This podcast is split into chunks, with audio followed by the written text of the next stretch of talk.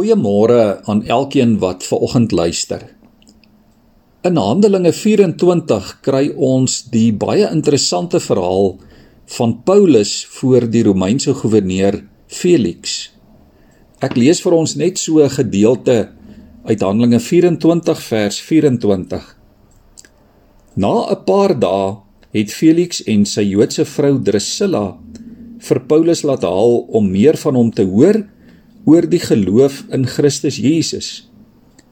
Paulus het met hom gepraat oor 'n lewe in gehoorsaamheid aan God, oor selfbeheersing en oor die komende oordeel. Dit het Felix laat bang word en hy het gesê: "Dit is nou genoeg. Gaan maar terug en as ek tyd het, sal ek jou weer laat roep." Hy het die hele tyd ook gehoop Paulus sou hom omkoopgeld aanbied om los te kom. Daarom het hy hom so dikwels moontlik laat haal om met hom te praat. 2 jaar later is Felix deur Pontius Festus opgevolg. En omdat Felix die Jode 'n guns wou bewys, het hy Paulus as gevangene agtergelaat. Liewe vriende, iewers in 'n mens se lewe moet jy oor God besluit. Wat jy dan kies, bepaal die res van jou lewe. Uit Felix en Paulus se lewens sien ons die verskil tussen 'n verkeerde en 'n regte keuse. Felix was iemand in 'n belangrike posisie. Hy was as goewerneur ook die regter wat die verskil moes ken tussen reg en verkeerd.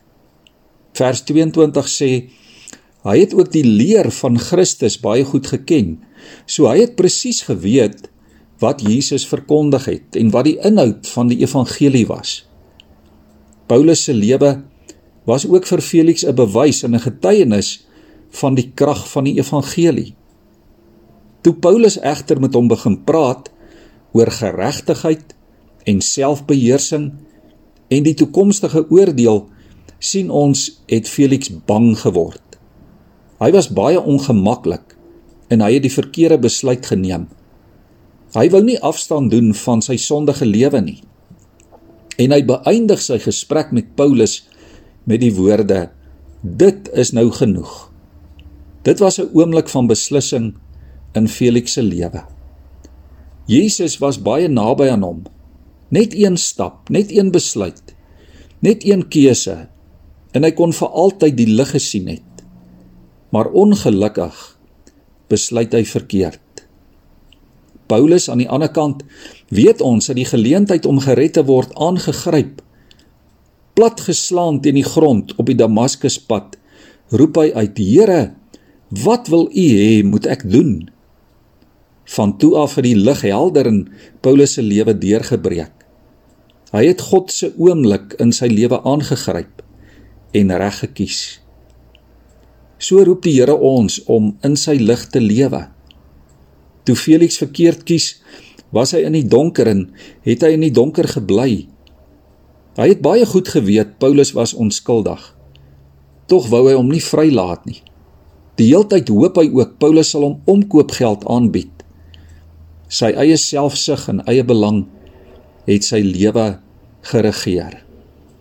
Aan die ander kant kies Paulus God se pad. Al gaan dit ook deur 'n tronk. Al beteken dit uiteindelik sy dood, al kos dit hom vernedering in die oë van mense. In vers 16 getuig hy: Ek doen my uiterste bes om altyd 'n skoon gewete voor God en die mense te hê. Paulus probeer homself nie loskoop nie. Hy dink nie aan verskonings nie. Hy weet hy is vry in Christus. En hy wil graag hê Felix moet ook vry wees. Daarom praat hy met hom oor God se woord. Ja Paulus wens dat sy vyand ook gered sal word en die lig sal sien. Toe die Here met Felix praat, het hy die dood gekies eerder as die lewe.